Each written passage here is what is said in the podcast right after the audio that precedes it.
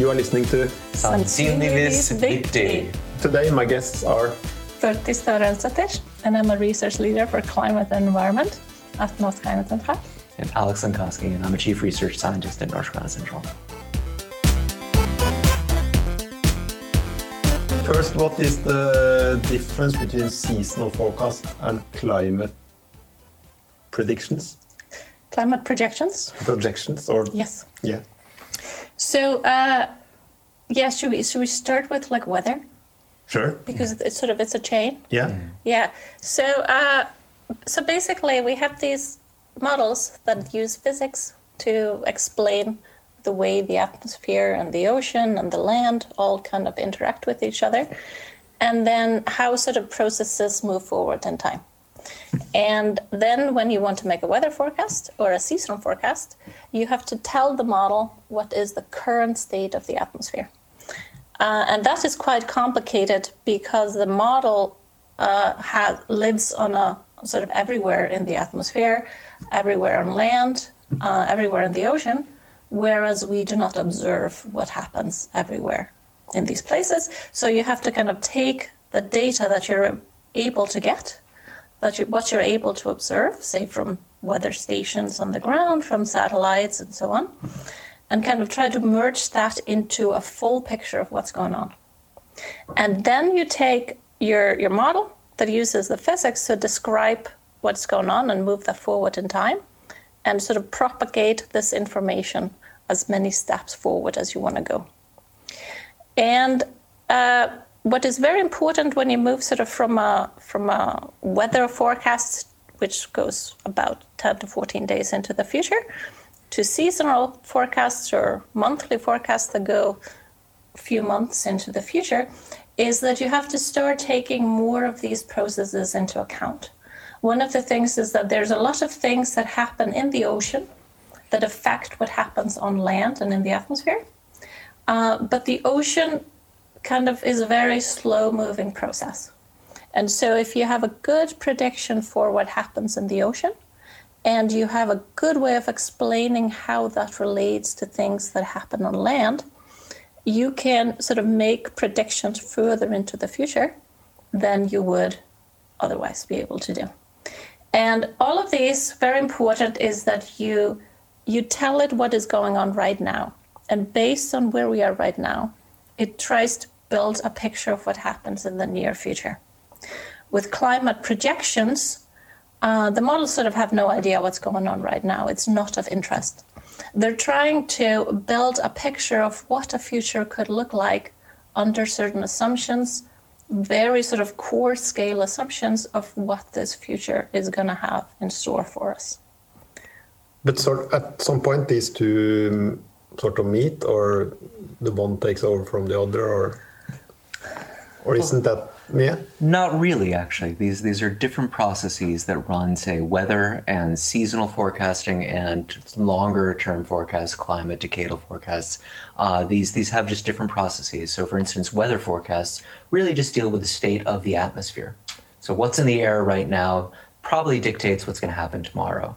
The seasonal forecasts, as Thordis already pointed out, really have to do with the state of the ocean.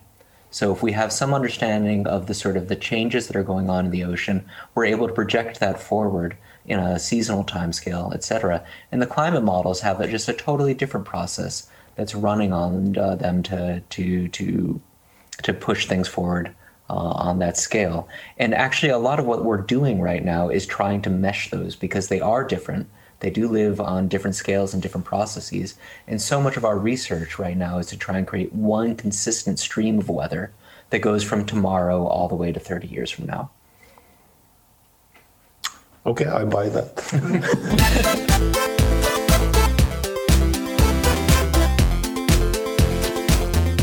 so what what are we able to forecast? Let's say one month ahead or two months ahead, and Yeah. what are we not able to? These are really good questions. Uh, and so, th- as we've pointed out, the understanding the current state of the atmosphere is the first and most important thing in running a climate model forward or a weather model forward.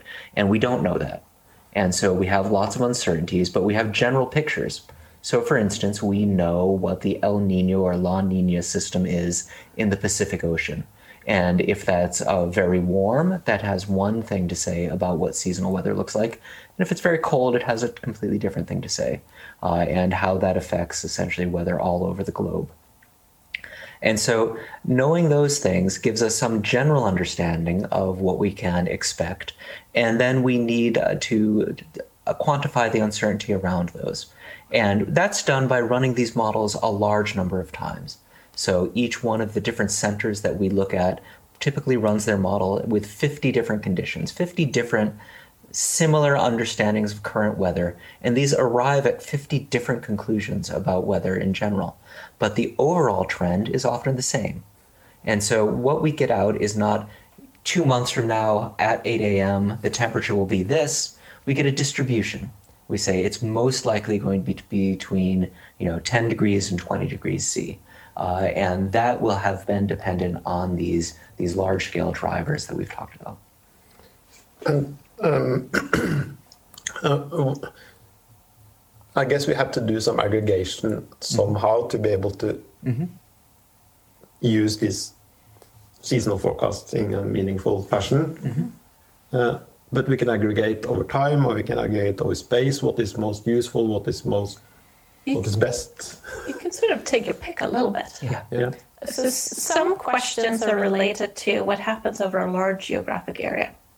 If you care about the renewable energies, for instance, you want to know what do we think is going to be the wind power production in Europe as a whole two months from now. And then you really care about like what happens in all of Europe or northern part of Europe.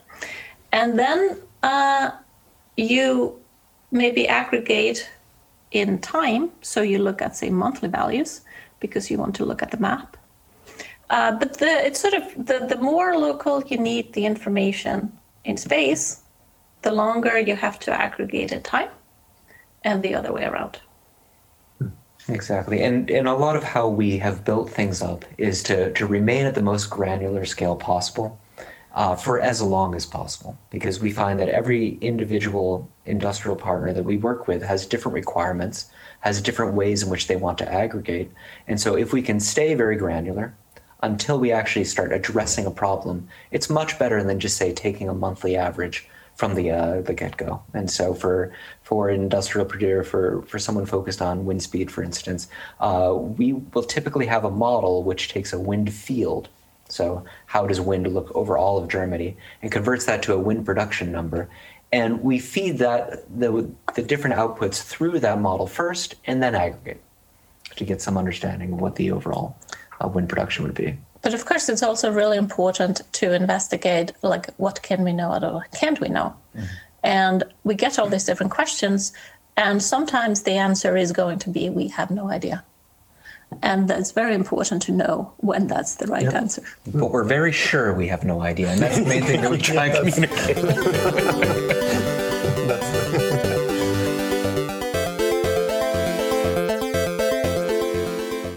Uh, if you look at maybe I don't know, ten years ago, twenty years ago, would what would what is possible now that wasn't possible then? Pretty much all of it. Yeah, pretty much on on the timescales we're talking about Yeah. now. Uh, there there really uh, has only been the the capability of assimilating all this data um, in the last ten years or so. So there, there's a couple of things. Uh, so one thing is that what has happened in the sort of the modeling community is that they have improved their models in that they have been able to go down to sort of a finer and finer spatial scale in the way that they solve these physical equations that describe the atmosphere. And then they're able to take in more and more local processes. Uh, and for instance, you need to have a very kind of fine scale information so that you can model clouds because clouds are tiny. Um, and so that is one thing that has changed the whole landscape. The other is we have bigger computers, uh, so we can run more of the models. Uh, we can run models on a finer scale. Um, further into the future, we can get more of these sort of different pictures of what we expect to see. Uh, and then, of course, everything we're doing now, sort of, there's this change point in 1980 because that was the start of the satellite era. And so the the amount of data, the amount of information that you have about the current state of the atmosphere, kind of before and after satellites, is is that's like black and white. Excellent. Um, I think we need to uh, revisit the the Europe burning thing. Uh, so, Alex, why don't you give us a short summary of the most Sure. the very most very recent uh, forecast? Yeah, sure. So, just to give some background, uh, we have been working for a number of years now on creating a seasonal forecasting system. Uh, and what this does is it takes together the output of, at the moment, five, but eventually about nine different meteorological organizations that publish seasonal forecasts to come up with a grand ensemble. So, like I discussed earlier, each one of these five uh, um, organizations publishes about 50 different realizations of weather. Uh, and these are, in their raw format, biased in certain ways. And this has to do with physics stuff. And our first uh, goal here is to correct those biases to get one consistent set of 250 realizations of weather. And we have been doing this now for a number of years, and we do this on a monthly basis. And we've just come out with the March forecast, uh, which goes five months into the future uh, and gives us some understanding of what we expect to see on a large number of different meteorological variables. And I'll talk about temperature and precipitation primarily here. Uh, and what we're seeing, uh, we've been seeing this all year, is a fairly mild temperature output. Temperatures are expected to be about 1 to 2 degrees warmer than they have been between the period of 1978 to uh, 2016. And uh, that is roughly in line with what we've expected from climate change. So it's uh, there is uh, a sort of uniformity here, and it's honestly a pretty boring temperature picture. It's going to be warm. We don't see any indications right now that it's going to be very warm, but we should note that this is on the monthly level. So this doesn't mean that there won't be hot spells. There could be heat waves, etc. But on average, on a monthly time scale, throughout spring and early summer, we're seeing fairly warm temperatures. However, what's very concerning to us is what we're seeing right now in the precipitation forecasts. Uh, in general, for instance, for April, uh, we are expecting a very wet April on the west coast of Norway. This is something that happens most years. so anybody who's ever been in Bergen will know uh, that it can be wet there, and we're seeing a fairly wet uh, west coast of Norway. And in the Oslo area, it looks pretty much average. So it, it doesn't look wet, it doesn't look especially dry. In continental Europe, in April already, we're beginning to see a fairly dry forecast. So we are seeing uh, what we call uh, precipitation anomalies. So these are deviations from normal amounts of precipitation on a level that we typically don't expect to see.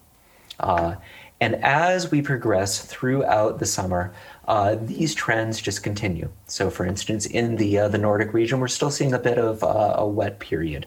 So uh, it is more uh, uniformly spread, but it, it, looks like it'll be a bit wet, not super wet.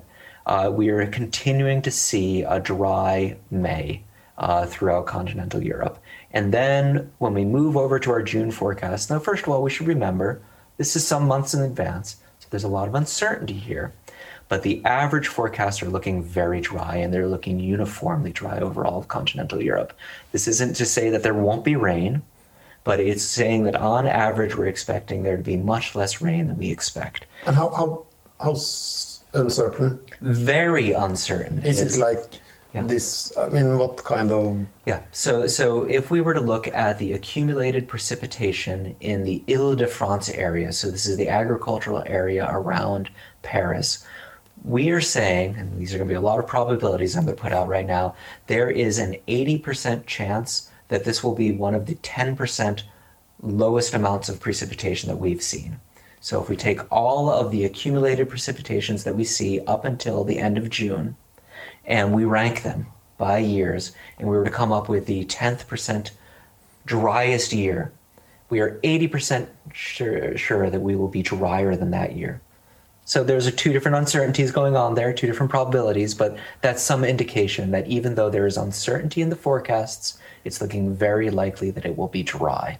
That's pretty serious. And uh, when we start moving into July and then into August, first of all, we start getting very far out into the future. So it's very uncertain. But these dry forecasts continue and they become even more extreme.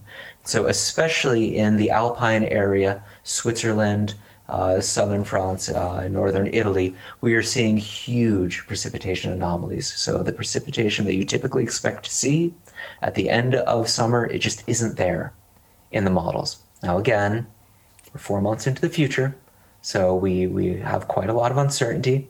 And we have both the uncertainty that comes out of the ensemble and also our, our question of whether or not we can even trust those uncertainty numbers. Both of these things require research to actually uh, to pin down. But right now we are seeing a very dry alpine area in July, and that even continues into August.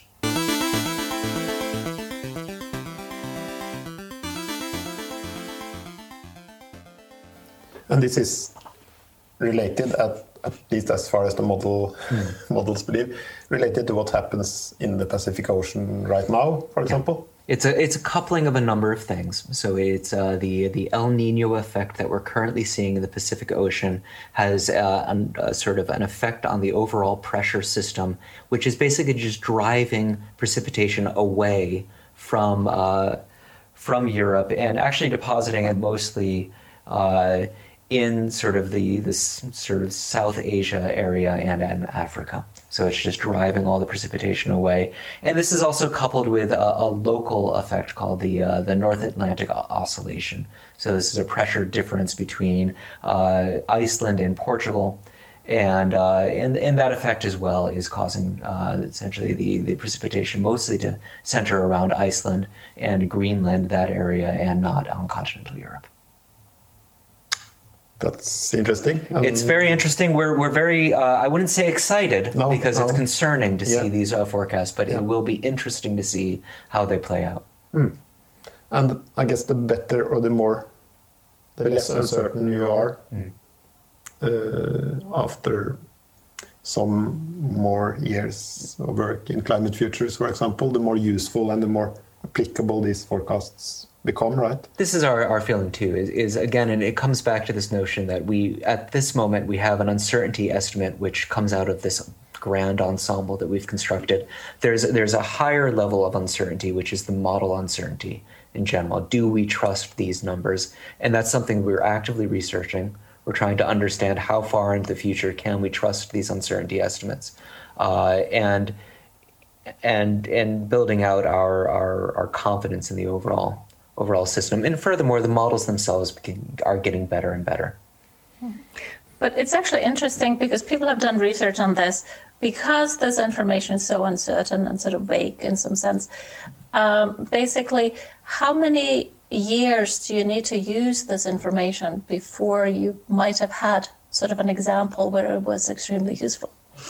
And the conclusion of that research is that it, it might be up to sort of 10 years hmm.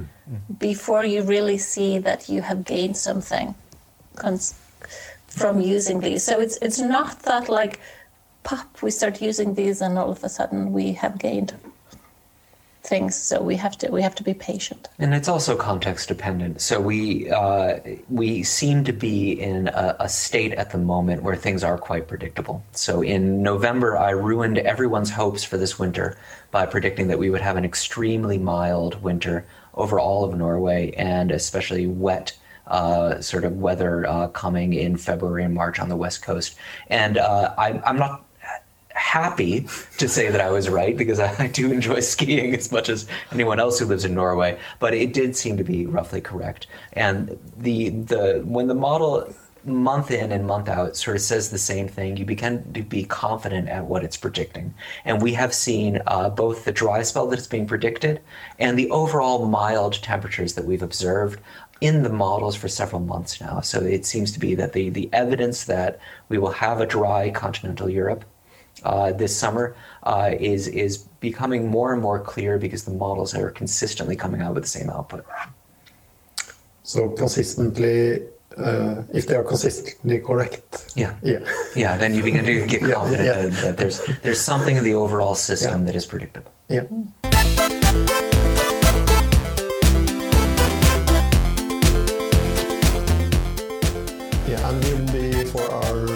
Listeners will um, uh, provide some links uh, to this uh, forecast so that you can look at the maps yourselves. Yeah.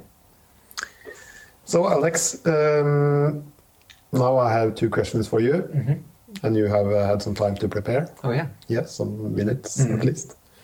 So, uh, if you look back to your all your years of study, um, and you can think back to when you were six years mm. old or ten years old, also, mm. what what is the sort of most useful you learned, or most, yeah, what do you remember today? Yeah, I think the most important thing, especially with the work that we do, is humility. And so I when I initially started studying both mathematics and then eventually statistics, I was very taken with models. And I thought that models and high level mathematics were the, the cool thing. Uh, and it was somewhere in grad school that I said, geez, this is just a bunch of averages. And when you admit that essentially statistics is the science of taking fancy averages, uh, it frees you to actually focus on the important thing, which is data. And so we have learned uh, the hard way that simple models on better data are always better than complicated models on simple data. And that is more or less our mentality these days is to, to keep as close to just taking a fancy average as possible and always look for the best next piece of data. It's, it's it yeah, it's like a minute to learn, a lifetime to master, uh, or to realize uh, thing. Uh, and uh, what about the school of life? Well, gosh, it's awfully similar to be honest. Uh, you know, having some humility and realizing that the uh, the small things done well is always better than doing really complicated things uh, poorly. Is probably the most important thing. That's beautiful. Thank you.